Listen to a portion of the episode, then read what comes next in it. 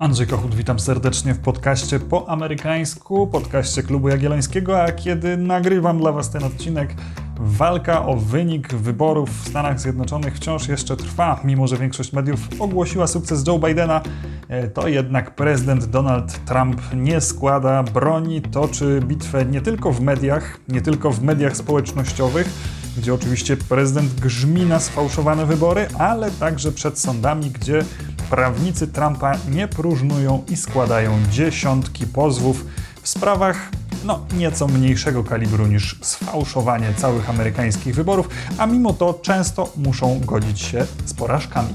Ale na marginesie tej wielkiej awantury toczy się też mniejsza bitwa. I to jest bitwa, która być może jest powiązana z tą większą, ale wciąż toczy się na marginesie, może mieć też większe konsekwencje dla przyszłości USA. Dziś porozmawiamy o tym, co dzieje się w amerykańskich prawicowych mediach. Kiedy Barack Obama został prezydentem, część jego przeciwników zaczęła dowodzić, że prezydent wcale nie urodził się na Hawajach, jak twierdzi, tylko w Kenii. A więc, zgodnie z konstytucją, nie może być też prezydentem. Narodził się z tego cały ruch kontestujący prezydenturę Baracka Obamy, ruch, który domagał się między innymi, by prezydent upublicznił swój akt urodzenia, ale nie brakowało też innych zarzutów. Na przykład twierdzono, że Barack Obama jest ukrytym muzułmaninem. Tutaj często przypominano, że właściwie nazywa się Barack Hussein Obama.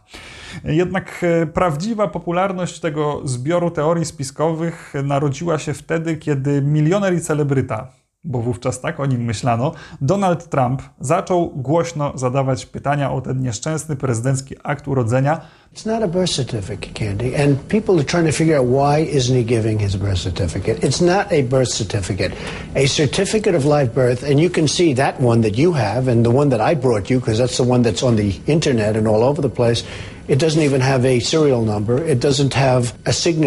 Telewizje oczywiście chętnie go wtedy zapraszały, bo to był taki barwny, kontrowersyjny celebryta, którego widzowie bardzo chętnie oglądali, a z kolei Trump mógł w ten sposób umacniać swój wizerunek wśród części republikańskiego elektoratu, która widziała w nim tego sprawiedliwego, który nie boi się zadawać mainstreamowi niewygodnych pytań.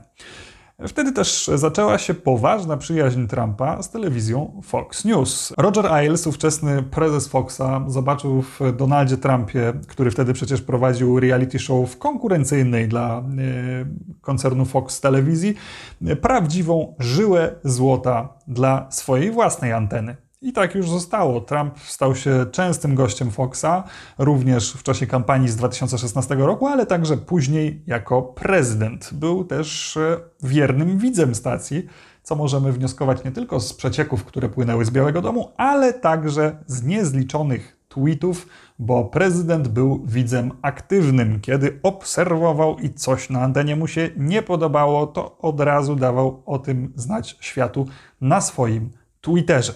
Oczywiście ta relacja nie była pomiędzy Trumpem a Foxem nie była idealna, często zdarzały się również zgrzyty. E, zwłaszcza, że przed samymi wyborami w 2016 roku stację opuścił i to w niesławie Roger Ailes, co zresztą zostało dobrze opowiedziane w serialu Na cały głos z Russellem Crowem. Kto nie widział, to polecam. Television is the most powerful force in the world. A po Rogerze Ailesie e, w stacji na powrót zaczęli rządzić Mardokowie, e, synowie Ruperta Mardoka, właściciela Foxa. Co prawda Trumpa tolerowali, ale chyba nigdy specjalnie za nim nie przepadali i to również dawało się odczuć. Władze Foxa obawiały się też zbytniego uzależnienia wyników oglądalności stacji od osobistego powodzenia Donalda Trumpa. Dlatego na antenie pojawiały się również głosy krytyczne. Co zresztą prezydent otwarcie krytykował na swoim Twitterze, również grzmiąc i domagając się od Foxa zdecydowanie większej lojalności. Ale mimo zgrzytów, ta symbioza pomiędzy prezydentem a największą konserwatywną stacją utrzymywała się przez niemal cały okres prezydentury Trumpa, do tego stopnia, że zewnętrzni obserwatorzy, którzy nie śledzili zbyt blisko tego, co się w tym konserwatywnym uniwersum medialnym dzieje, często utożsamiali Trumpa i jego bazę wyłącznie z tym, co dzieje się na antenie Fox News. Tak mogło być do 4 listopada tego roku, czyli do dnia po wyborach. Do dnia, kiedy Fox News jako pierwsza stacja poinformowała, że Joe Biden wygrał w Arizonie. I to był dla Donalda Trumpa prawdziwy cios, bo do tego momentu można było uznawać, że wciąż ma arytmetyczne szanse na to, żeby zwyciężyć w ponownej walce o Biały Dom. Kiedy jednak przepadła Arizona, zaczął się sypać ten scenariusz, a ten cios w kierunku Trumpa wyprowadził nie New York Times, nie CNN, tylko właśnie telewizja Fox News.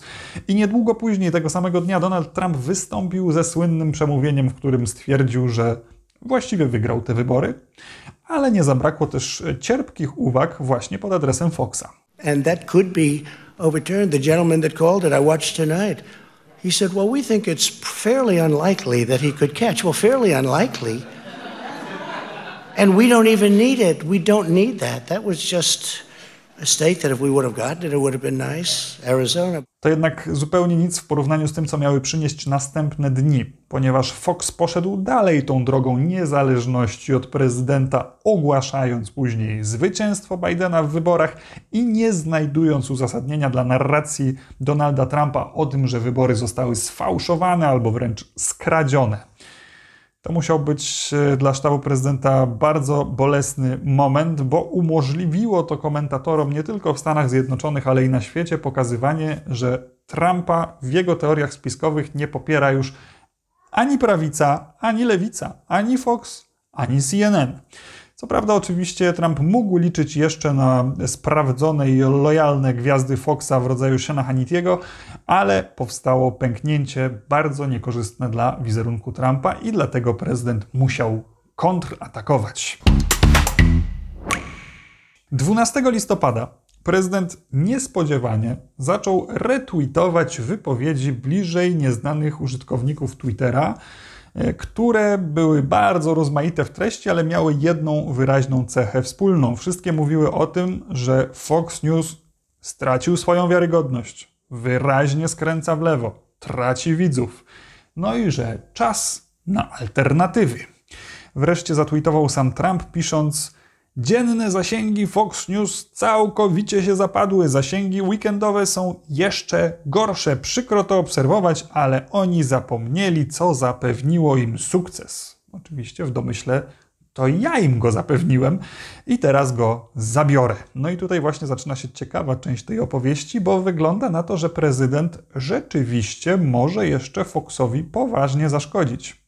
To nie jest pierwszy raz, kiedy Donald Trump szuka sojuszników na prawo od Fox News. Występował przecież w obronie Infowars Alexa Jonesa, e, kiedy szereg platform, w tym sklepy z aplikacjami Apple i Google, zaczęły blokować tego dostawcę teorii spiskowych. Hitler took the guns, Stalin took the guns, Mao took the guns, Fidel okay. Castro took the guns, Hugo Chavez took the guns, and I'm here to tell you 1776 will commence again if you try to take our firearms. Idąc do wyborów w 2016 roku, Trump opierał się również mocno na Breitbart News, którym wówczas zarządzał Steve Bannon. Bannon, który zresztą opuścił Breitbart po to, żeby pomóc Trumpowi w zarządzaniu kampanią, a później po wygranych wyborach nawet na krótki czas został prezydenckim doradcą.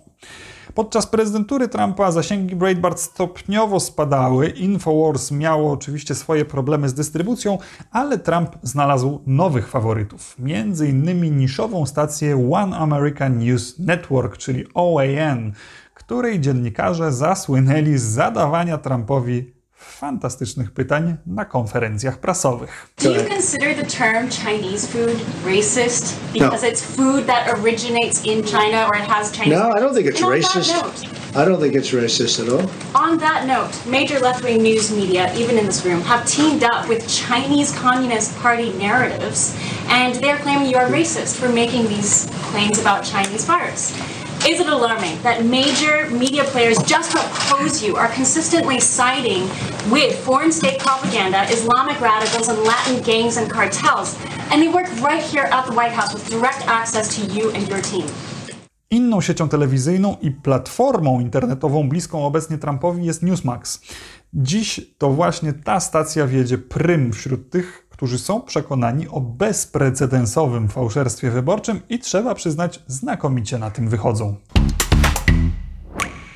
W październiku stacja miała średnią oglądalność na poziomie 65 tysięcy widzów, ale w tydzień po wyborach to było już prawie 200 tysięcy a niektóre programy zbliżyły się nawet do miliona widzów, czyli do rejestrów wcześniej przez Newsmax nienotowanych, a właściwych raczej większym telewizjom informacyjnym. W ponad 20-letniej historii stacji to rzeczywiście był sukces bez precedensu.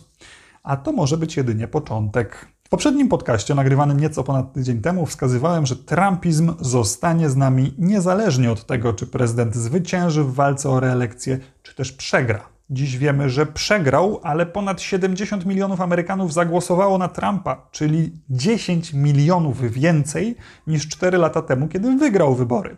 Badania opinii publicznej pokazują też, że nawet 70% republikańskich wyborców jest przekonanych, że wybory nie były uczciwe. Jednocześnie, mimo że minęły dwa tygodnie od wyborów, prezydent wciąż nie wydaje się bliższy przyznania do porażki, mimo demaskowania kolejnych doniesień o fałszerstwach, mimo kolejnych oddalonych pozwów sądowych, wycofywania się reprezentujących Donalda Trumpa prawników i namów płynących od części republikanów, starających się przekonać Trumpa, że trzeba wiedzieć, kiedy ze sceny zejść.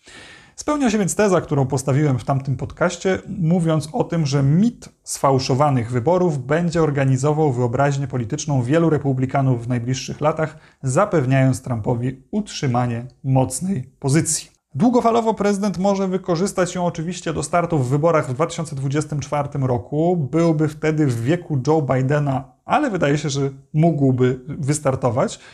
Ale są też inne możliwości. Axios doniósł ostatnio, że Trump bardzo chce się odegrać na Fox News, co zresztą potwierdzają te tweety, o których mówiłem wcześniej. I w związku z tym myśli o własnym przedsięwzięciu medialnym. Szczegółów na razie oczywiście nikt nie zna, ale wydaje się to całkiem prawdopodobne. Można sobie wyobrazić, że Trump startuje z własnym programem telewizyjnym i z miejsca staje się jednym z najważniejszych komentatorów politycznych po prawej stronie, no bo ma chyba największą rozpoznawalność, jaką można mieć w Stanach Zjednoczonych, e, odrodzoną na nowo popularność wśród republikańskiej bazy związaną z tym fałszerstwem wyborczym, które głosi. No i wreszcie 90 milionów obserwujących na Twitterze. No to po prostu e, projekt, który musi się udać. Trump w ten sposób pozostałby kluczową postacią życia publicznego, nie dając o sobie zapomnieć, utrzymując swoją popularność i mogąc na bieżąco komentować to, co się w polityce dzieje, stając się też punktem odniesienia dla aktualnych wydarzeń. W ten sposób mógłby dowieść swoją popularność do następnych wyborów, ale niewykluczone, że prezydent zaangażuje się w większy projekt niż tylko własny program. Może to być na przykład własna telewizja albo platforma internetowa. Nie od dziś wiadomo, że Donald Trump bardzo lubi, kiedy jego nazwisko pojawia się jako logo, najlepiej wielkimi złotymi literami. Takie rozwiązanie mogłoby mu dodatkowo przynieść całkiem pokaźne zyski, oczywiście pod warunkiem, że zostałby dobrze opracowany model subskrypcyjny dla takiej platformy. I tutaj chyba warto przypomnieć, że na wczesnym etapie kampanii z 2016 roku wielu snuło przypuszczenia, że Trump wcale nie startuje na poważnie, ale dąży do odpalenia nowego przedsięwzięcia medialnego albo stara się odświeżyć swoją markę, bo biznesy idą gorzej. Tak przypuszczali ludzie w 2015 czy na początku 2016. Potem okazało się, że start Trumpa jest jednak poważniejszą imprezą, e, ale moglibyśmy taki ciekawy zwrot akcji mieć w 2020. Te przetasowania na medialnej prawicy w Stanach Zjednoczonych pokazują jeszcze jedną rzecz. Zdejmowanie Trumpa z anteny nie ma większego sensu bo to jest przekonywanie przekonanych, to jest komunikat dla liberalnych odbiorców liberalnych mediów, którzy przyklasną, bo wreszcie zamknięto usta Donaldowi Trumpowi. Jednak ci, którzy Trumpowi wierzą, nie zwątpią w niego nawet, kiedy przeciwko niemu stanie Fox News. Po prostu zmienią kanał. W ostatnich dniach karierę w mediach robi aplikacja Parler, czyli taki nowy Twitter dla zmęczonych cenzurą, bardziej konserwatywnie nastawionych odbiorców, przede wszystkim wyborców republikańskich w Stanach Zjednoczonych, ale i w Polsce pojawiły się jakieś pierwsze jaskółki, pierwsze pytania, czy być może nie należy uciekać z tych e, mediów, w których rządzą przepisy pisane w Dolinie Krzemowej do takich niezależnych aplikacji. W okresie powyborczym w Stanach Zjednoczonych liczba pobrań tej apki gwałtownie skoczyła. Ponad 2 miliony nowych pobrań zanotował Parler tylko w pierwszym tygodniu po wyborach. Ale to wciąż produkt bardzo niszowy w porównaniu z Twitterem. Na Parlerze można znaleźć około 5 milionów użytkowników, a największe konta na Twitterze, przypomnijmy, mają ponad 100 milionów obserwujących. Dlatego w tym wypadku rewolucja wydaje się mało prawdopodobna. Nawet Trump nie przeniesie się wyłącznie na Parlera bo dlaczego miałby się ograniczać do grona swoich i tak już najzagorzalszych fanów, jeśli na Twitterze może prowadzić boje z całym światem? Ale w przypadku telewizji to może być inna historia. Jeśli z wahającej się pomiędzy dwoma i trzema milionami widowni Foxa ubędzie na przykład milion albo półtorej tych najzagorzalszych kibiców Trumpa, którzy przełączą się na sieć lepiej dostrojoną do ich wizji świata, pamiętającą o tym, że wybory skradziono, sfałszowano, że demokratów trzeba pogonić, bo są uzurpatorami, to będą to dla stacji Fox News poważne kłopoty. A może to ze strony Trumpa okaże się tylko dobrym straszakiem i taktyką negocjacyjną? Ostatecznie wieczorne show Donalda Trumpa na Fox News też by chyba nikogo nie zaskoczyło. Z tą wizją Was dzisiaj zostawię. Sam będę z ciekawością obserwował, co dalej wydarzy się w świecie amerykańskich mediów, ale wydaje się, że Donald Trump ma potencjał, by ogromnie w tym świadku namieszać. Zwłaszcza, że po zakończeniu prezydentury będzie przecież poszukiwał nowego zajęcia. Was zachęcam oczywiście do subskrybowania, do followowania podcastu po amerykańsku na tej platformie, na której aktualnie słuchacie. Oczywiście wraz z wyborami nie zakończył się podcast po amerykańsku amerykańsku. Jak dobrze widzicie na obecnym przykładzie, będą kolejne odcinki, dlatego warto obserwować i słuchać, do czego bardzo zachęcam. Zachęcam też do sprawdzenia strony Klubu Jagiellońskiego, gdzie można wesprzeć naszą aktywność podcastową, również finansowo, do czego również zachęcam. Do usłyszenia.